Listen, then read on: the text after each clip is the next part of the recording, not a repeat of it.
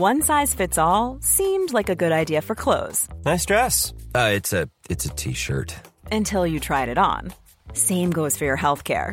That's why United Healthcare offers a variety of flexible, budget friendly coverage for medical, vision, dental, and more. So, whether you're between jobs, coming off a parent's plan, or even missed open enrollment, you can find the plan that fits you best. Find out more about United Healthcare coverage at uh1.com. That's uh1.com.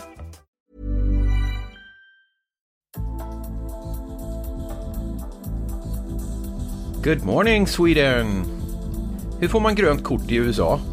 Idag berättar jag om min sjukt jobbiga väg till detta green card. Och så får vi höra en otrolig historia, både kul, spännande och dramatisk, när vi ringer upp dagens gäst Martin Linde. Du lyssnar på podden från Las Vegas, där vi tar pulsen på USA inifrån och på Sverige lite så här utifrån. Häng med!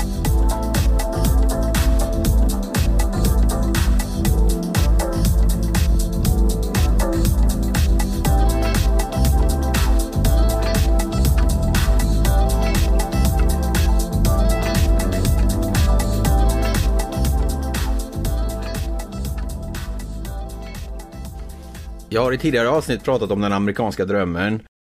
För min egen del så hade inte jag någon stor dröm om att bo i USA direkt. Utan det var mer när jag kom hit och blev erbjuden ett jobb med bra pengar som jag kände att ah, men det skulle vara kul att göra ett tag. Tyvärr så upptäckte man ju då att det inte bara att flytta hit. Och även om man hade hört det förr så förstod man verkligen när man väl satte sig in i det hur svårt det är egentligen att få ett grönt kort. Hur får man då det här gröna kortet? Ja, det finns lite olika sätt att komma in i USA om man vill bo här lagligt. Vi svenskar kan åka hit i 90 dagar på turistvisum och om du har goda skäl kan du ansöka om ett förlängt turistvisum på ytterligare 90 dagar. Så totalt kan du stanna i 6 månader om du vill. Och visst kan jag rekommendera att om du har tankar på USA, börja med att åka hit i tre månader och kanske få det förlängt till ytterligare tre månader så du får en känsla av om du verkligen vill flytta eller inte. Det är ju som jag brukar säga, det är inte grönare på andra sidan. Det finns många olika arbetsvisum man kan få du behöver mer eller mindre vara expert inom något område för att få ett arbetsvisum på det sättet. Ett företag måste sponsra dig, det vill säga de ansöker för att anställa dig eh, som en specialist inom deras område och det måste ha ett behov för just dig och det kan inte ha möjlighet att hitta samma person inom närliggande stat eller stater. Så var det i alla fall förr och även om jag inte är 100% uppdaterad på de senaste årens ändringar och tillägg så är det så ungefär. Så om du är doktor eller vetenskapsman eller kvinna eh, och unik i ditt slag då kan du ha möjlighet att få ett speciellt visum för just det. Det finns visum för artister, skådespelare och så vidare men den biten är jag inte så superinsatt i tyvärr. Om du blir sponsrad av ett företag och du har möjlighet att flytta till USA och jobba för dem så är du låst för just det företaget. Du kan inte räkna med att få bo kvar i USA om du slutar jobba för dem. Att gifta sig med en amerikan är ett annat sätt att få det här gröna kortet och då kommer du in i landet och kan jobba med vad du vill. Men det är ju inte bara att gifta sig hur som helst. Det finns i och för sig många amerikaner som vill tjäna en extra slant på att gifta sig och hjälpa dig in i landet. Men det är alltså olagligt att fejka ett bröllop och de tar stora risker om de gör så. Om du kommer utifrån och gör ett falskt bröllop så riskerar du att bli bannlyst för en lång tid framöver, förmodligen för evigt och du kan inte komma tillbaka ens som turist. Men amerikanen löper ännu större risk och riskerar fängelsestraff. Det är dock otroligt vanligt att amerikanare åker till fattigare delar av Asien eller i Ryssland, Ukraina och så vidare skaffa sig en fru eller make då som det hjälper att komma till USA och förmodligen en bättre tillvaro.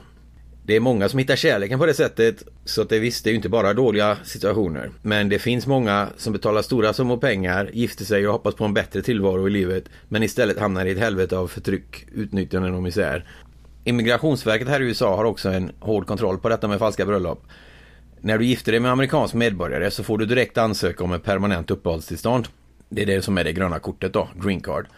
Du får gå igenom alla hälsokontroller så du inte tar med dig virus eller sjukdomar i landet. Du får tillsammans med din äkta hälft bevisa att du inte kommer bli en belastning på samhället rent ekonomiskt. Och din äkta hälft måste bevisa inkomst nog för att täcka båda om det skulle vara så att du inte kan eller vill jobba själv. Ansökningspapper och sånt är inte så svårt att fixa egentligen. Men många använder sig av en advokat för att få allt perfekt. Och det kostar en massa pengar. Du kan dock göra detta själv genom att studera lagböcker med mera och har du gift dig på ett korrekt sätt så är det faktiskt bara en massa papper och tid du får räkna med. Skulle du då gifta dig på ett ärligt sätt som man kallar det så tar det ungefär 3 6 månader innan du får ett arbetstillstånd. Då kan du börja jobba men det är först efter 11 12 månader som du får den första stora intervjun. Då träffar ni tillsammans Invandrarverket Du får bevisa att ni är ett riktigt par genom att visa bröllopskort, bilder från resor och fester och så vidare och gemensamma räkningar. Har du gjort allt på ett riktigt sätt så är det inte så svårt egentligen.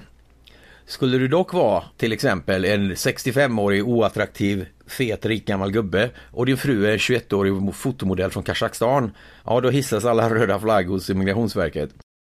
Nu var jag lite målande i mitt exempel men ni förstår vad jag menar. Vid minsta lilla misstanke om ett falskt bröllop så blir det tufft. Migrationsverket sätter då dig i ett rum, maken eller maken i ett annat rum och så börjar förhören. De frågar vem som vaknar först på morgonen, vem som går ut med soporna, färgen på mikrovågsugnen, vem som har hand om fjärrkontrollen, rutiner i hemmet, färg på underkläder, dygnsrytm och så vidare. Och så jämför de resultatet. Stämmer då inte svaren så förstår de att ni inte bor ihop och du hamnar i stora problem. Din ansökan om medborgarskap kommer då att bli avslagen såklart och du blir hemskickad. Din amerikanske vän får böter och fängelse så att det är inte så enkelt som man tror. Går intervjun dock bra och i det fall ni visar att ni är ett par så får du ganska snabbt ditt gröna kort. Dock är statusen på detta kort temporär och det gäller i två år. Först efter ytterligare ett drygt år kan du ansöka om att få den temporära stämpeln borttagen. De kollar då så att du har skött dig, inte är kriminell, inte kostar samhället pengar och så vidare. Du kan faktiskt till och med ha skilt dig.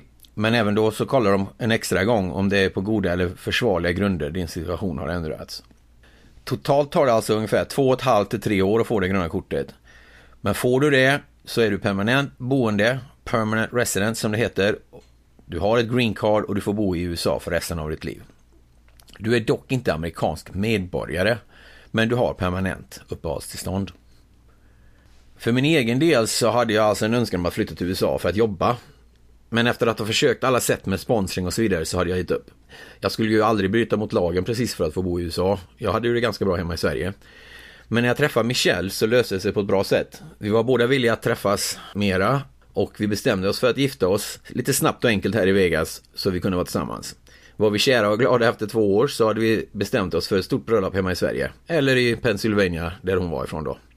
Så vår första intervju efter ett år var inga problem alls. Vi var ju båda samma ålder. Vi var väl lika fula bägge två. Men eh, det var som sagt inga problem. Och jag fick mitt temporära green card. Tyvärr hade redan vi börjat få problem emellan oss. Hon visade sig ha spelproblem, hon hade alkoholproblem och även om hon tjänade bra pengar på sitt jobb så sparade hon aldrig en enda dollar utan allt gick till spelmaskiner och barer. Hon drack extremt mycket, hade problem med temperamenten när hon drack och det är ju aldrig en bra kombination som vi vet. Samma vecka som vi gifte oss så började hon dessutom prata om recession i världen. Ekonomikrisen kom ju där 2008 och Vegas blev tomt, jobben försvann och Michelle blev väldigt orolig för att inte jag skulle få jobb. Detta ledde ju till mer alkohol och vansinniga skrik och bråk av all stress. Hennes mamma var också väldigt sjuk och tyvärr så gick hon bort i slutet av året, bara några månader efter jag kom dit. Och detta gjorde inte situationen enklare precis. Det var en väldigt tung period och jag fick vara otroligt förstående och hjälpsam. Eh, men det räckte inte. Michelle visade sig vara bipolär och det var otroligt jobbigt mellan oss. Vi höll dock ihop det och jag tänkte väl att bara den här stressen går över så, så blir det bättre. Första intervjun gick som sagt var väldigt bra. Michelles glada sätt och humör hade dock försvunnit och hon var otroligt svår att leva tillsammans med. Vi gick faktiskt till äktenskapsrådgivning med mera men då hon hela tiden körde med hot om att ställa till det för mig om jag inte älskade henne så blev det mer som ett fängelse. Man var fast i en situation där man inte visste varken ut eller in. Visst hade jag kunnat välja att åka hem där och då men jag intalade mig själv att det var på grund av ekonomikris och jobbbrist och hennes mammas bortgång som gjorde henne så här stressad och hysterisk.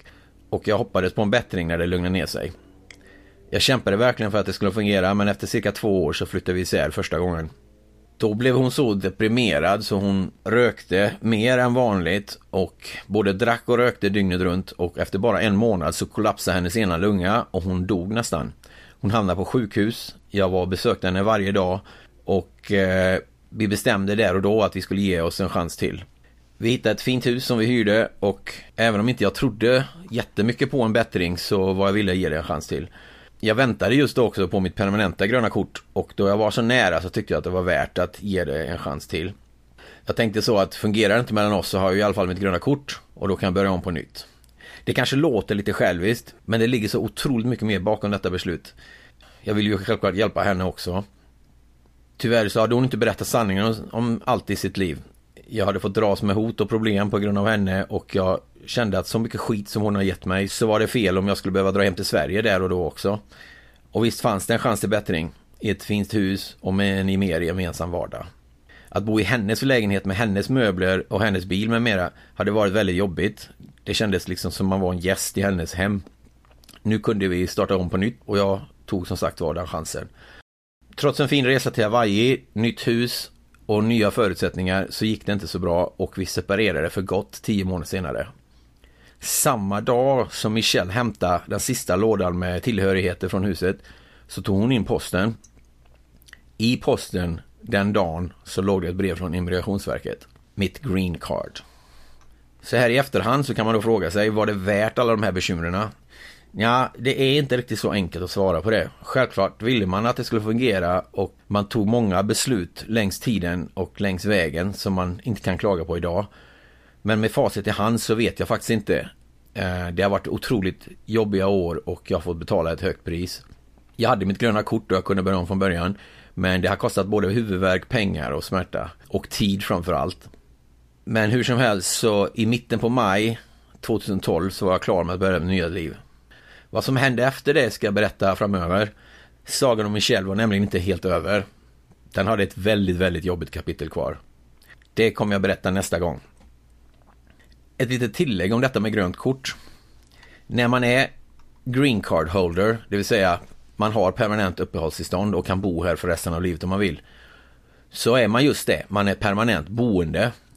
Skulle jag till exempel åka hem till Sverige över ett år så får man direkt Eh, förklara varför man bor hemma i Sverige istället för att bo i USA. Och man riskerar då att förlora sitt permanenta uppehållstillstånd. Bor man i Sverige så är man ju inte boende i USA, säger de. Och visst, så är det ju. Så att det innebär att skulle jag åka hem till Sverige nu, bo i Sverige i två år, då är jag precis som alla ni andra, en svensk turist när man kommer hit. Du kan dock ansöka om att bli amerikansk medborgare, American citizen. Och det kan du göra ungefär efter fem till sex år, om du så önskar. Om man vill gå igenom den processen så får man svara på frågor om Amerikas historia, grundlagar, politiska system, helgdagar, för att på så sätt visa att du är trogen det amerikanska samhället. Du får svära inför flaggan att du kommer vara USA trogen och följa deras lagar, regler och förordningar. Sverige har ett bra samarbete med USA och du kan faktiskt vara dubbelmedborgare, både svensk och amerikansk på samma gång. Det är många länder som inte har den möjligheten och väljer du att bli amerikansk medborgare så får du ge upp ditt medborgarskap från din, ditt ursprungsland. Men som sagt, för mig så kan jag ha dubbelt medborgarskap och då kan jag åka hem i flera år för att sen bestämma mig för att flytta tillbaka till USA om jag så vill. Just den processen håller jag på att gå igenom just nu. Så fort jag är klar med den, då kommer jag ta ett beslut om jag ska åka hem eller inte. Så vi får se. Dagens gäst har en väldigt spännande och kul historia som på vissa sätt liknar min, just det här med att gifta sig med en amerikansk tjej. Han har dock en väldigt kul historia om hur det gick till när han tog steget hit till USA. Så jag tycker vi tar och ringer upp honom.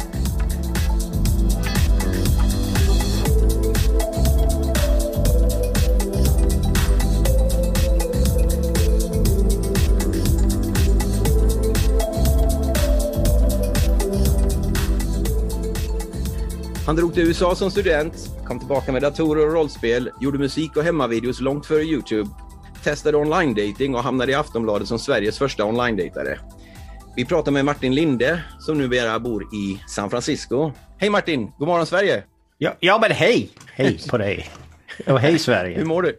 Från USA. Från USA. Hör de där nio timmar i framtiden då eller? Hur fan, det funkar ja, inte. Jo, jag tror de gör det faktiskt. Nej, nej, men det är väl samtidigt på något sätt då. Jag eh, bor inte i San Francisco, men ja, det är väl i, i närheten. Men jag bor i Santa Cruz, bor jag. Okej. Okay. Och det, det, är lite samma sak. The Bay Area, det, antar jag man kallar det. Ja, om man har lite fantasi så. Mm. Vad är det, två och en halv timme eller något? Norr. Från San Francisco. Öster. Söder om San Francisco. Så det, det, är hit folk kommer från San Francisco när de vill åka och surfa på över helgen och sådär. Okay. Så kommer de ner hit. Okay. Surfar du annat än på nätet? Nej, för fan. Det är på nätet. Ja. Så jädra mycket surf på nätet är det ja. Det är det senaste jag har hört. Webben är ju framtiden. Ja. Fick jag, fick jag till uh, introduktionen rätt där, Martin? Uh, ja, det tror jag. Det, jag åkte till USA som student, kan man väl säga. Det var utbytesstudent. Det var ju bara en sån här grej, du vet. Man åker i tio månader, ett läsår. Och jag var väl 15 eller något som jag åkte iväg på det. Bara och jag hade sett någon eh, plansch i, i skolan så här, men det låter ju, låter ju skoj. Kan man bo i USA ett helt år bara sådär?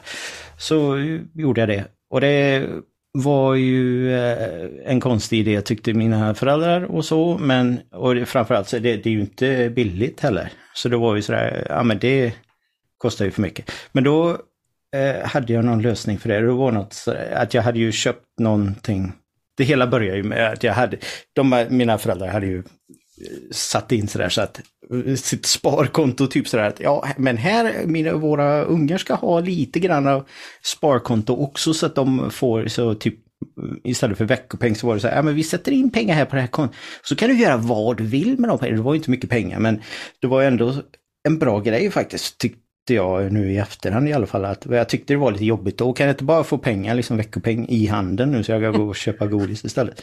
Men det, det var rätt smart faktiskt. Men eh, i alla fall, så jag hade ju köpt sådana här idiotgrejer liksom. Eh, för det. Och nu har jag 300 kronor på, i mitt bankkonto. Då kan jag ju köpa en jättestor sån här påskkärring eller vad, vad som helst. Men sen började jag fatta då att det kan ju vara bättre att köpa grejer som man kan dels var kul med, men sen var det ju, fattade jag ju också det att man kunde, ja men nu kan jag ju sälja de här grejerna. Om jag inte vill ha dem längre så kan jag köpa något annat kul istället. Då hade det varit en sån här serie med, med grejer som jag hade köpt som jag fattar inte riktigt hur det blev så, men jag hade på något sätt lyckats sälja för mer än vad jag köpte det för. Så det senaste jag hade köpt då var att jag hade haft en, jag köpte en häst. Jag var inne, jag red mycket ett tag där. Stämmer det? Konstig grej. Men eh, ja, så, ja, visst, så jag hade en häst och sen sålde jag den hästen då för jag skulle finansiera själva USA-resan då. Så det, det, var ju sådär, mina föräldrar hade ju antagligen tänkt så här att jag kommer att säga så här, men nu vill jag åka till, som utbytesstudent ett år. Ja men det kostar ju för fan 30 000 eller vad det var. Ja, men eh, nu ska jag sälja min eh, ponny här och jag har hittat en köpare som vill köpa den för 30 000. Så jag kan ju betala det själv då. Och så ja, då hade de ju inget bra argument kvar. Liksom. Så det blev en sån här grej så att eh, ja, de betalar väl en viss del av det. Men det var i, framförallt, jag betalade, det var en sån här grej så att jag var enveten. Men jag, jag vet inte varför det var så viktigt eh, att jag skulle åka till USA. Men så var det. Din pappa var ju rektor där i skolan. Jag trodde faktiskt det var han som pushade att du skulle testa på ett år utomlands, men nej, det var det inte då alltså? Nej, det var det inte alls. Nej. Han tyckte det, ja, det låter ju dyrt, ja. tyckte han. Typ. Fast han var inte emot det heller, men det var mer bara så här, ja men det, det, går ju inte, för det kostar ju för mycket. Och sen så bara, ja men här är pengarna. Aha, okay. Det kanske var lite att de var rädda om lilla Martin också, att inte de ville att han skulle försvinna jo, utomlands och på outforskade marker. Så. Men på, på tal om eh, datorerna som du snackade om där. Eh, det var nog så, för det, nu kommer jag ihåg att min, min pappa sa ju då eh, i efterhand att det var en speciell situation där, där han slutade vara oroa sig över det, att hur skulle det gå i USA eller hur skulle det gå i allmänhet för mig i livet liksom, sa han, berättade så att det var en, en sån här situation där han like, aha, nej men då behöver jag inte vara orolig längre. Och det var, vad som hände var att jag hade precis blivit indragen i och börjat eh, latcha med datorer och sånt. Det här var ju, vad var det, 84 någonting. Så eh, Apple hade ju precis kommit ut med sin Macintosh. Första jädra mm. Macintoshen. 128 kilobyte på en floppy disk som man fick trycka in för att den ens skulle starta upp. Och det hade jag hört talas om av någon anledning och hade haft lite kontakt med. Så jag, jag var mitt uppe i en sån här passion, liksom att jädra maktdatorer, det här är ju hur spännande som helst.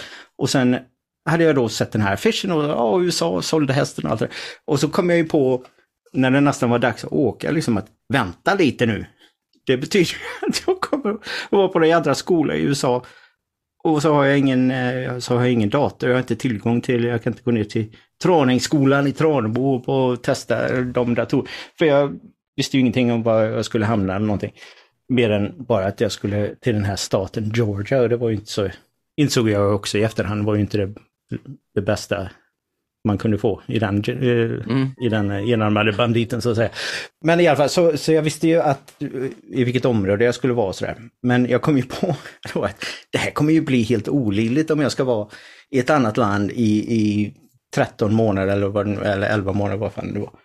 Utan eh, tillgång till en dator. Jag kan inte ta med mig en, en dator från Sverige, det funkar inte. Eh, sådär. Så att, det var inga laptops på då, den tiden, det var mer eh, fabriksmaskiner. men men eh, Macen var ju den första riktigt eh, ordentligt bärbara datorn. Men det var ju inte sådär att man tog med sig den i, i ryggsäcken ändå. Nej, precis. den var rätt bastant. Ja. Men i alla fall, så jag ringde till det var så sent på natten då för att det skulle vara business hours i USA. Så, så ringde jag till Apple så kollade om de hade något kontor då i, i Georgia och det hade de. Och så var det någon sån här, sån här eh, vanlig eh, växel och så ringde jag och sa, berätta, ja, ja men jag är från Sverige och jag kommer nu, om tre veckor så kommer jag att bo i, i Georgia i, under ett läsår och fan, jag har ingen dator och det kommer, jag vet inte vad jag ska göra med det. Men jag kanske skulle kunna, det, jag vet en del om den så jag kanske kan, om ni skulle bara, om ni låter mig ha en, en dator under det här läsåret så kan jag ta med den till skolan, vilken skola det nu är som jag ska till. Och så kan jag ju demonstrera den liksom på, på skolan, kan visa lärarna där, snacka med datorläraren och sådär så, så att de fattar vad det, vad det är för någonting. Och så, ja, så kopplar de till någon och så berättar jag samma skit igen och så sa han bara så här, ja men det låter ju bra. Så kom in till vårt kontor när du har kommit hit så kan vi nog ordna någonting. Och så gjorde jag det. Så när jag kom dit så var det att hämta. Han har ju satt i ordning en full Mac-utrustning där med skrivare och hela skit. Så det var ju liksom en sån här otrolig liksom setup som jag hade där på den tiden. Det var så här som jag bara då lånade hela, hela året och sen så lämnade tillbaks. Och jag tog ju med, jag, jag, tog med den till skolan och visade några gånger. Det var ju det var inte att de ville ha någon slags rapport på det. det var liksom bara, ja ja. När jag, jag kommer ihåg när jag lämnade tillbaka den så var de lite sådär, vem är du? Liksom. Men i alla fall så det var när, jag, när pappa, min, för jag hade ju berättat för pappa att liksom fan, jag kanske inte kan åka i alla fall för jag, det blir ju jobbigt att inte ha någon dator. Så jag, det var ett dilemma som jag hade, som jag hade berättat för honom. Och sen så frågade han då eh, efter ett tag, liksom, ja hur, har, har, du kommit över det där nu? Eller så här, nej, nej, nej, jag ringde, jag ringde till dem. Så det, jag kommer att få, jag ska åka hem när jag landar så typ dagen efter ska jag dit och hämta en. Jaha, jag behöver inte oroa mig. ska gå från med, med sådana här grejer i alla fall. Min pojk klarade sig bra, tyckte han. ja, precis. Då, då var det liksom, ja, ja, åk du. Härligt. Hej då. jag tror, du och jag, även om vi är precis lika gamla, så gick du en Eh, åldersklass före mig. Jag tror det började... Är vi precis lika gamla? Ja, jag tror är, sam... du 50 nu? Ja, det ska vi inte, det kan jag klippa bort ur editeringen. Jag bort det, för fan. Men, ja, ja. Eh, jag är 50. Alltså du är 39 också? Ja, precis. Ja. Vilken tur. Nej, men så, du men vänta nu, en... det var 1984 så jag. Ja, jag tror det var 80, alltså 86 någonting om du drog när du var 15 kan jag tänka mig. Jo, det måste, jag åkte nog dit 85 och så var jag där, kom hem 86. Mm. Men jag tror du började skolan ett år före alla andra i våran ålder. Ja. För du gick en klass över mig. Ja, jag var, det, det är sant. Det var, jag började inte ett år tidigare men de, det blev en flyttning sen. Det var menat att jag skulle börja ett år tidigare men då hade jag kunde jag inte det för att eh, det var en tjej på dagis som hette Sofia som eh, jag var väldigt eh, kär i. Och hon var kär i mig tydligen också så att vi hade ju planer på att vi skulle gifta oss. Och, sådär. och det skulle tydligen på något sätt inte funka om vi inte gick i samma klass. Så då, då, var, så då sa jag det till, till alla och mina föräldrar så att nej men det går inte, vi, jag måste börja skolan när Sofia börjar. Och det, så blev det. Men sen blev det en flyttning senare som det var tydligen, vi, det var inte så noga till slut. Och du var sex år när detta hände då? När du träffade Sofia. Ja, just det. Så det var någonting, men det var lite sådär, det var också en sån här grej som pappa visade mig flera år senare, att det var en sån här eh, formulär som hade fyllts i, liksom anledning till att det inte, det var det där löfte om giftermål. ja, underbart. Ja, men det, det, det, blev inte så. Nej. Vi, vi, vi gled isär, Sofia och jag. Ja, ja. Uh, det var inte så jävla noga. Jag tror eh, du och jag lärde känna varandra genom en gemensam eh, kamrat här och det var Braskenjök. Ja, precis. Jag tror det var när du... Jerry kallar han sen också. Jerry, jajamän. Uh, mm. jag tror det var när du introducerade det här Dun Dungeons and Dragons för, för eh, kompisarna hemma. Vi satt och spelade Ja, det här rollspelet. Det var ju också lite kontroversiellt i tidningar och grejer. Ja, de, folk blir så inne i det så Ja, de dödar det. varandra och Ja, sådär. det är lätt hänt. Men det var väldigt kul. Men sen började du med musik också, när du kom tillbaka. Ja, man kan ju säga, man, man sammanfattar, man- jag är lite, lite vimsig kan man säga. Jag håller på. Datorer, nej hästar, ska, nej, för, nej, det är rollspel nu som gäller. Det Nej! låter som en eh, normal eh, svensk No. tonåring, tycker jag. Men det var det, var det där vi träffade, när vi spelade den, eller var det bara att det var det vi gjorde? Ja, vi gjorde det några var gånger. det- Eh, Jag tror det, det började väl egentligen med att vi spelade in eh, hemmavideos. Eh. Sketcher och så vidare. Otrolig kvalitet Ja. på dem. Men det, det, det var väldigt, väldigt kul. Det var rätt roligt för det fanns inte ens YouTube på den tiden. Och så gjorde vi videos och Nej, framförallt var det ju ingen som hade kamera, men det hade Jerry av någon anledning. Ja. Han, han hade ju en, eh, en typ en eh, fairy godmother eller något som, som var väldigt generös med grej. Eh, Du vet, kommer du ihåg, det var ju en sån här VHS-kamera som vägde typ 110 kilo som eh, man fick sätta i de här banden i och så ha på axeln då och sen hade man ont i axeln i tre veckor efteråt. Men det, vi hade ju, och så räckte batterierna i typ 10 sekunder så man fick ju snabbt som fan spela in var allting. därför vi inte gjorde Och sen långfilmer. kunde man inte redigera någonting. Nej, precis. Så det, mellan klippen var ju sådär också så här. Så här, för man hade liksom spolat tillbaka för man ville kolla på någonting och det skulle man ju inte gjort. Ja. Det var eh, väldigt hög kvalitet. Svaggis hörna spelade vi in. Ja. eh, de finns väl på YouTube idag tror jag. Svagges hörna. Eh, Det, det är, de är ju överallt. Mm. Det, det är ju senaste explosion med det där. Ja, googlar ni på Svagges hörna så eh, hittar ni några roliga sketcher. Nej, jag tror inte, jag tror inte det finns någon Svaggis hörna på YouTube. Tror jag. Jag, vet, jag ska faktiskt kolla efter vårt samtal här. Det kan vara kul att se. Eh, Du började där när du kom tillbaka med musik ta, genom datorer tror jag. Eller har jag fel i din eh, tidslinje här? Ja, fast det var, det var ju via dator, men det var inte när jag kom till, det var- det, var typ tre, fyra år senare tror jag. Som jag var intresserad av, alltid intresserad av så här syntar och grejer. Vet du. Var musiklärare på Tråningsskolan, kommer du ihåg det? Hasse Samuelsson. Hasse Ja, Samuelsson. grejer det. Ja, Tungviktare det var i, i Beatles och eh. Bobby Brown som han körde varje lektion, kommer jag ihåg. Ja, och Pink Floyd, det, var, det är Mm. jag väldigt tacksam för. Att han spelade Pink Floyd för mig, det var, eller ja, det var inte bara för mig. Det var inte någon romantisk kväll med Hans Samuelsson. Men det var, han spelade för klassen sådär att vi skulle tvinga oss att lyssna på Pink Floyd The Wall och liksom sådär verkligen lyssna på det. Och ligga i ett mörkt rum på golvet och bara lyssna sådär. Det var, och det var, Ja, jag minns han lärde oss att lyssna på eh, Private Investigation med Dire Straits. ja just det, just det. Och den, är, den ryser jag fortfarande när jag hör den eh, och vet i detalj precis. Men det, jag vet inte om du har samma upplevelse, men just några av hans, för han, han, översatte ju typ vad Engelska som, eh, vad som sjöngs och sådär, ja precis. Och jag, av någon anledning minns jag väldigt sådär bokstavligt ord för ord vad han, hur han översatte. Och det är ju vissa grejer som jag fattade långt senare. Så, ja, men det var ju för fan inte rätt översatt. Det stämmer. Ja, kan jag säga. Hasse Samuelsson. Ja, så menar de ju så här va. Och så har de bara missuppfattat några ord helt och hållet. Sånt är lite jobbigt att komma ihåg tycker jag. eh, Sådär, när det är så att eh, man minns någon engelska lektion sådär där det är ens fröken på svengelska säger så här, ja men det betyder faktiskt, och så är det något som inte stämmer liksom. Där de bara missuppfattar. Ah, det, det, det är något som är så uh, obehagligt med det på något sätt. Ja, det, det håller jag med om. Jag har ett kul minne liknande när det gäller sånt. Det var på en engelska lektion när vi hade något sånt här prov och så skulle man skriva en, en historia. Och då kopierade jag en låttext Ja. I huvudet före den här, för jag tänkte det ska jag skriva om. Smart. Blir så ska skriva om det. Så jag hade ju den ord för ord nedskriven i minnet. Liksom. Där ser man ju hur eh, en ung Sören var Ja, så precis. företagsam här och klipsk. Och jag fick ja. underkänt för att det var ingen bra engelska tyckte hon.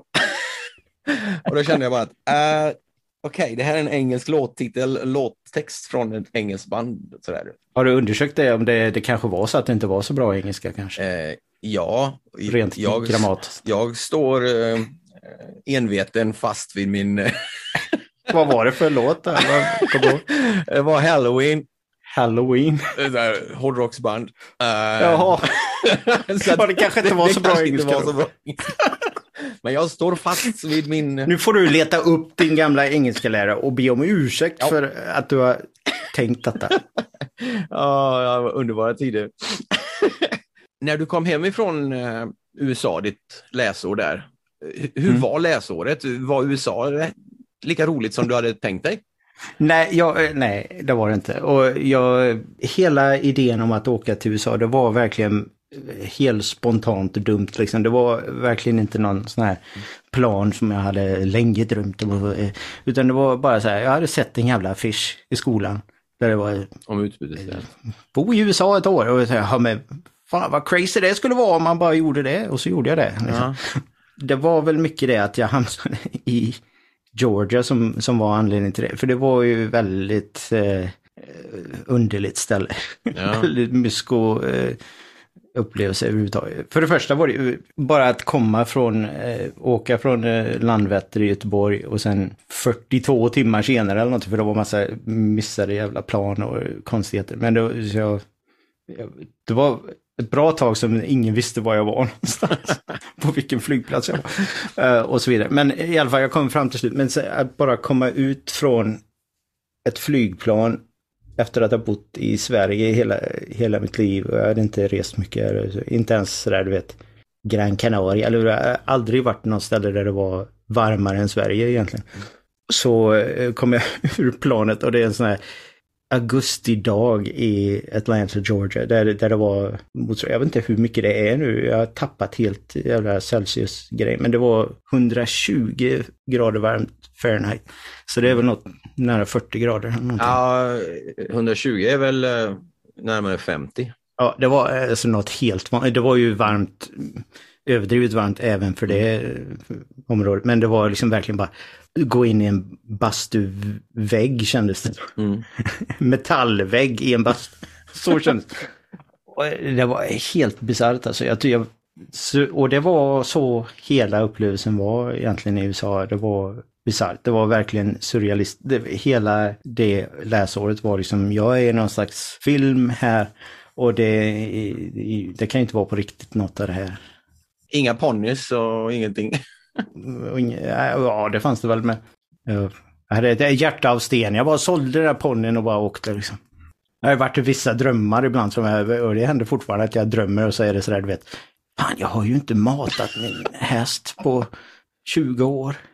Och sådär. Äh, Och så hittar jag honom och så är han sådär, du vet, bara halvdöd och liksom äh, äh, Ja men fan, jag trodde jag sålde dig till någon, eller det ingen som har tagit hand om... Fan, Du vet, sån här jävla ångestdröm som man jag har. vet inte. Jag har nog sådana också tror jag, men eh, inte om ponnys.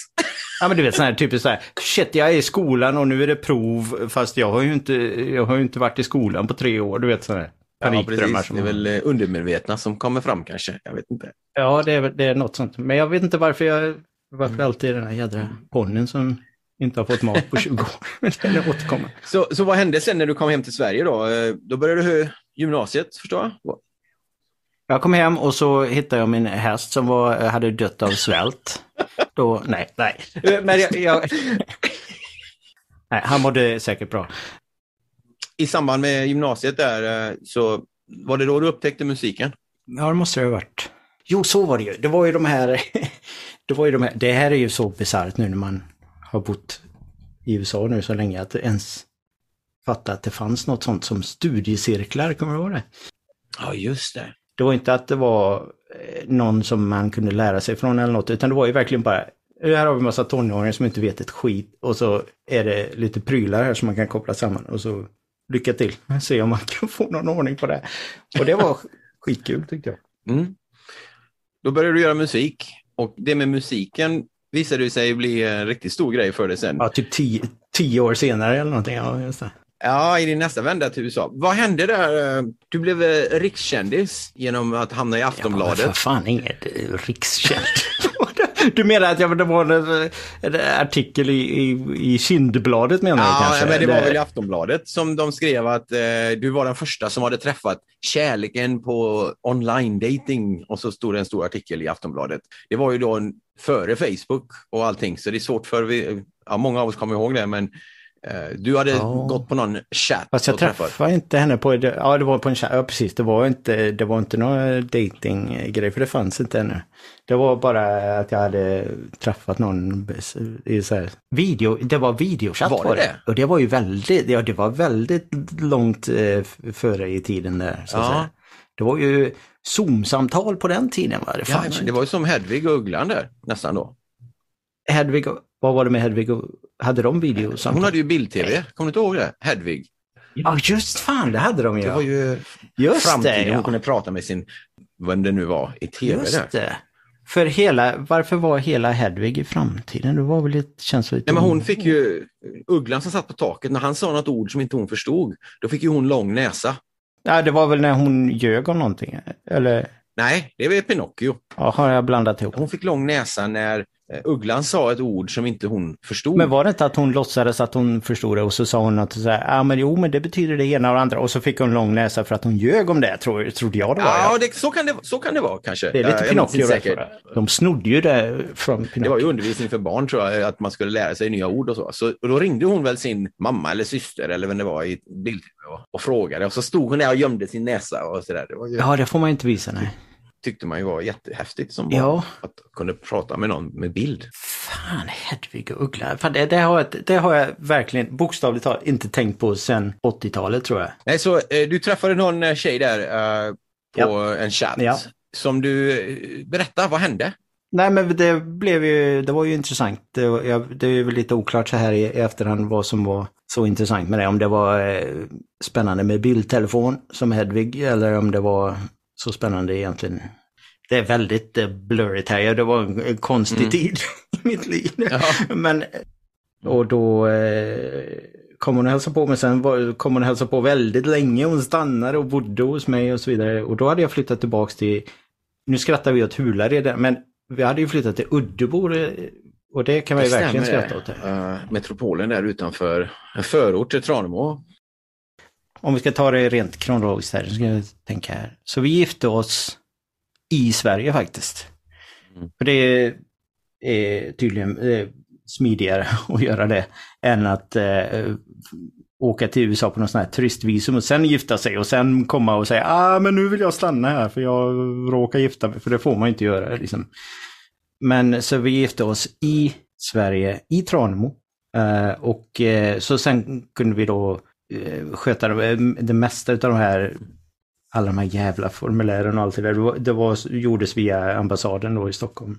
Så allt det där var färdigt, eller skulle vara egentligen färdigt, när jag då kom in i USA, när jag kom in till Seattle så hade jag liksom, här har vi en pärm med papper, eh, här har ni det, stampla stämpla det nu så har jag flyttat hit för det har redan ordnat sig allt det där. Det visade sig senare att så var det ju inte Mm. riktigt, utan det var bara typ ett år senare var det så här, ja nu skickar vi hem dig till Sverige igen om inte du kan förklara varför inte den här rutan var ifylld. Och det var liksom, ja men, det var en sån här ruta som, eh, som inte jag, det, det var alltså någon på flygplatsen när jag kom in som in, glömde att att fylla i någonting. Alltså det var inte ens min del av pappret utan det var, du, ja men det saknas ju en, en stämpel här. Ja, det, vad ska jag göra åt dig? Så och det var typ 3000 dollar senare med advokater och skit så löste det sig på något sätt. Men jag fattade aldrig vad problemet var. Vi måste ju prata om eh, vad som hände där när du flyttade till USA då. Ja. Det är ju för fast det är samma jädra mönster varje gång. Jag, jag fick för mig då, någon gång innan jag flyttade till så fick jag för mig, så hade jag fått för mig att jag vill ju ha en studio, jag vill ju ha instrument och syntar och grejer. Och det är ju dyrt så in i helvete att köpa dem. Det har jag inte råd med. Då går jag till banken och frågar, kan jag få ett lån så jag kan köpa massa musikinstrument? Så här, ja, ska du, ska du sälja den musiken då eller ska det företagsidé här då? Eller? Nej, jag vill bara ha massa instrument för det vore kul. Aha, okej då.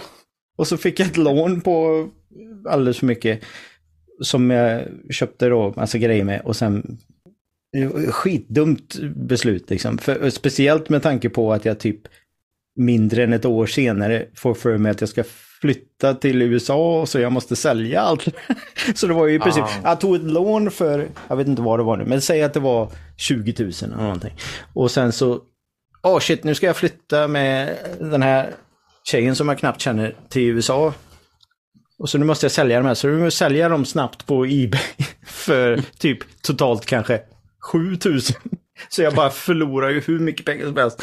Men jag måste ju ändå betala av det där jävla lånet. Ja, det, det var det dummaste jag hade under den tiden då, jag satt där med de här dyra musikprylarna som jag inte skulle ha köpt. Men då, jag hade ju, då gjorde jag en massa musik och jag hade gjort lite i Stockholm som jag i, i lånade studios och så vidare.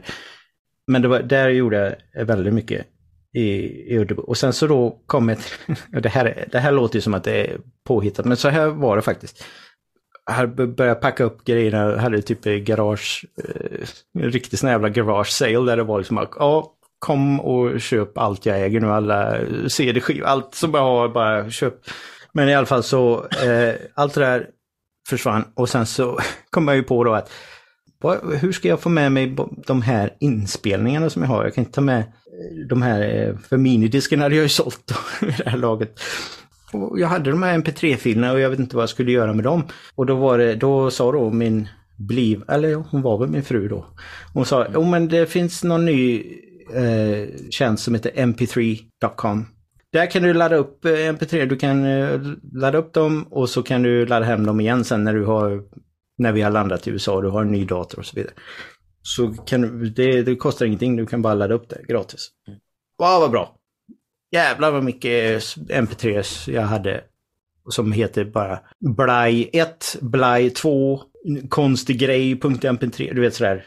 Ja. Skitkast. Så, men, så jag ju tvungen att ge dem ett namn ordentligt och, och ladda upp det och sådär. Så, men det tvingar mig att, att ge dem ett namn åtminstone. Och så, så jag kunde få undan på det. För det fanns ingen sån här smidig, du vet, ladda upp de här 200 filerna. Utan jag var tvungen att en och en. det tog ju evighet. Och det var då sen när jag hade flyttat till USA, hade fått vi hade flyttat in där i Florida, jag hade köpt ny dator och hade sådär. Så då kom jag ju på det. Ja, just det, jag ska ju kanske ladda tillbaka de MP3-filerna som jag har. Då. Och då visade det sig att, för jag hade inte riktigt fattat det, att oh, om jag laddar upp till mp3.com så kan jag ladda hem dem igen, det hade jag fattat. Men jag hade inte förstått att under tiden så var de här allmänt, att folk kunde typ lyssna på de här. Och under tiden då jag hade eh, gått igenom hela immigrationen och flyttat och allt det där, hela den paniken, så hade under tiden så hade de här börjat ta fart liksom. Så det var folk som hade lyssnat ordentligt på de här låtarna som jag bara gett konstiga namn och så vidare. Så, till, så, så pass att det var, när jag loggade in där på MTV, så var det liksom så här, 233 meddelanden väntar på dig här. Liksom. Vad fan är detta? Liksom? Och då var det liksom folk som hade olika kommentarer. Så, ja, den här låten är ju fantastisk, men jag gillar den andra bättre. Och så fan är det folk som har lyssnat på det? Ungefär då, och det råkade sammanfalla precis när det började ta fart då, för de hade ju sådana här typ charts då, så det var så här, mm.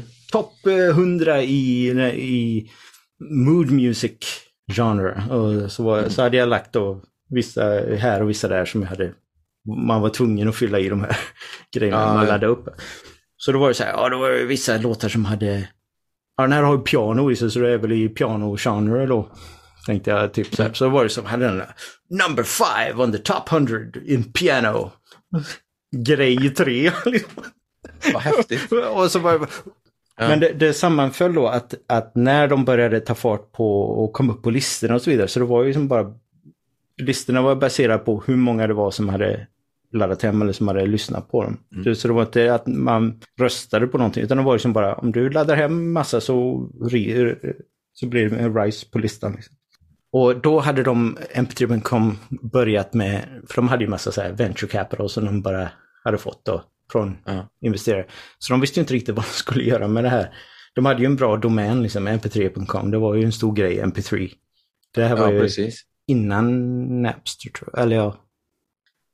Och, eh, så de hade massa pengar så de kom på det att hur kan vi få våran MP3-kom att bli ännu större och få ännu mer trafik och ännu mer uppmärksamhet. Så, så de började eh, komma på att vi kommer att betala ut royalties nu. För, för, vi har ett visst belopp här som vi bara kan bränna liksom. Så de började med 100 000 eller något sånt där dollar som de tog då totalt vad trafiken är och sen så baserat på statistiken helt enkelt så får man då, så fick man kanske 3 cent eller någonting då.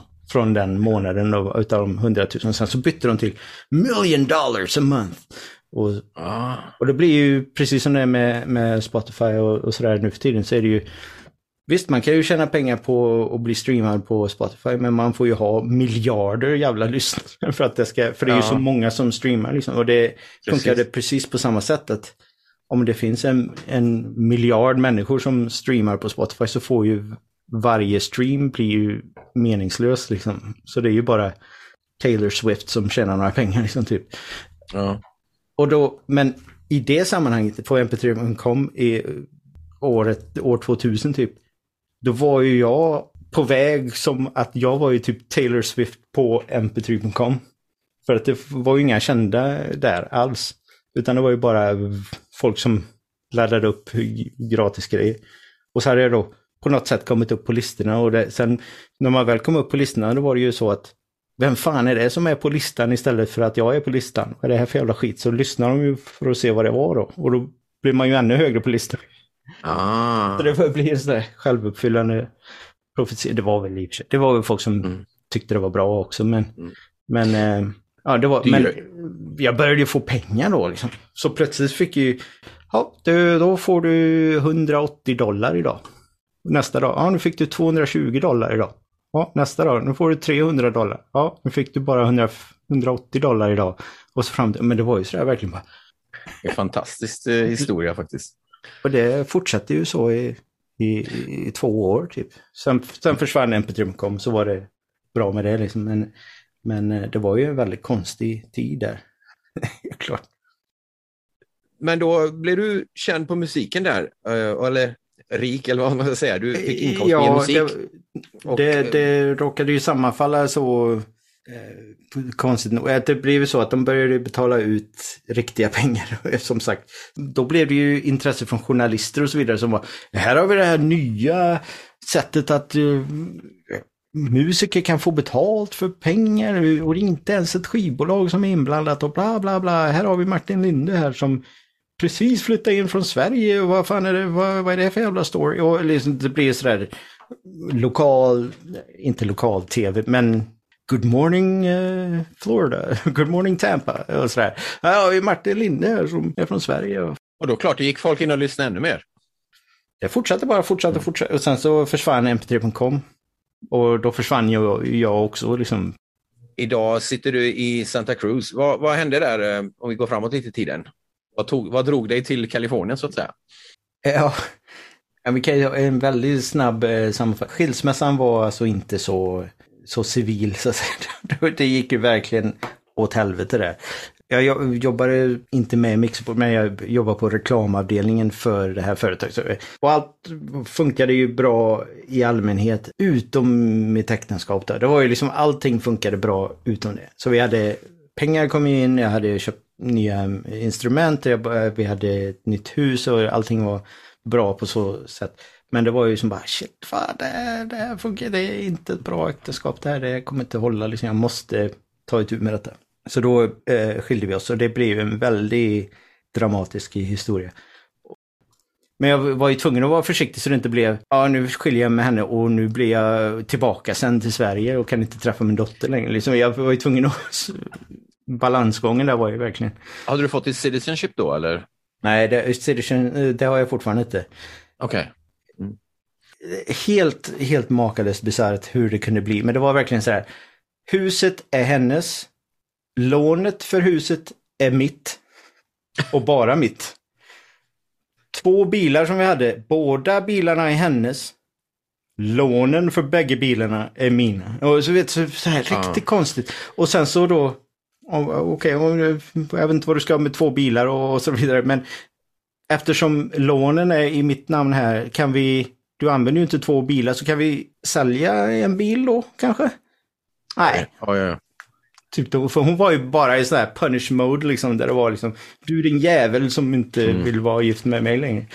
Och, och sådär, alimony och, och child support och alla de här grejerna var ju så att det var ju verkligen bara jag var tvungen, jag fick bo i, i verkliga hål i, i väggen liksom ställe och bara jobba och jobba och betala och jobba och betala hennes skulder och betala bilräkningarna som för hennes bil. Och du vet, så jag kunde inte ha någonting. Jag hade sån här gammal rostig skitbil som knappt funkat som jag var tvungen att...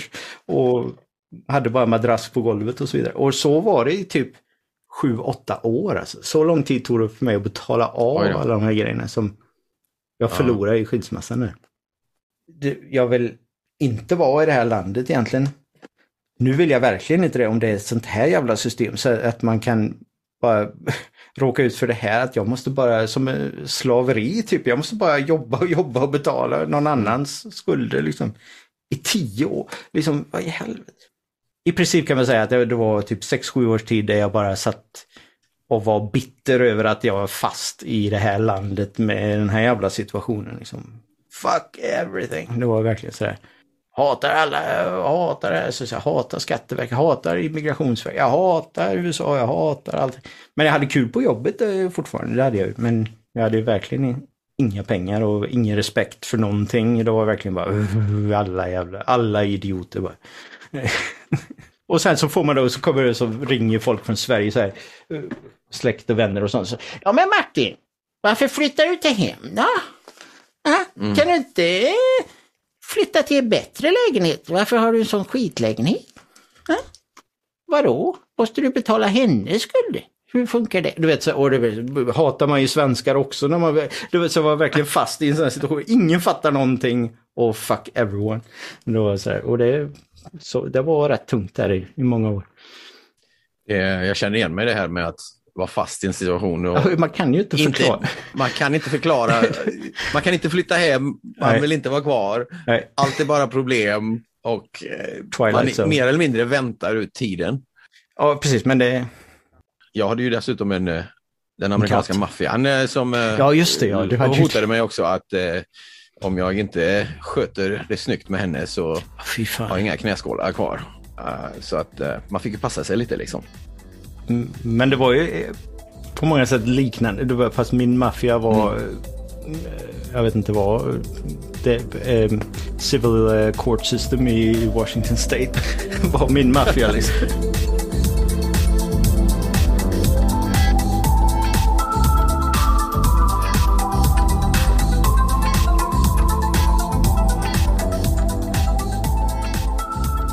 Det var första delen av den långa intervjun med Martin. Jag har valt att dela upp det här avsnittet i två delar så att ni lättare kan planera er tid när ni lyssnar på Martins intressanta historia.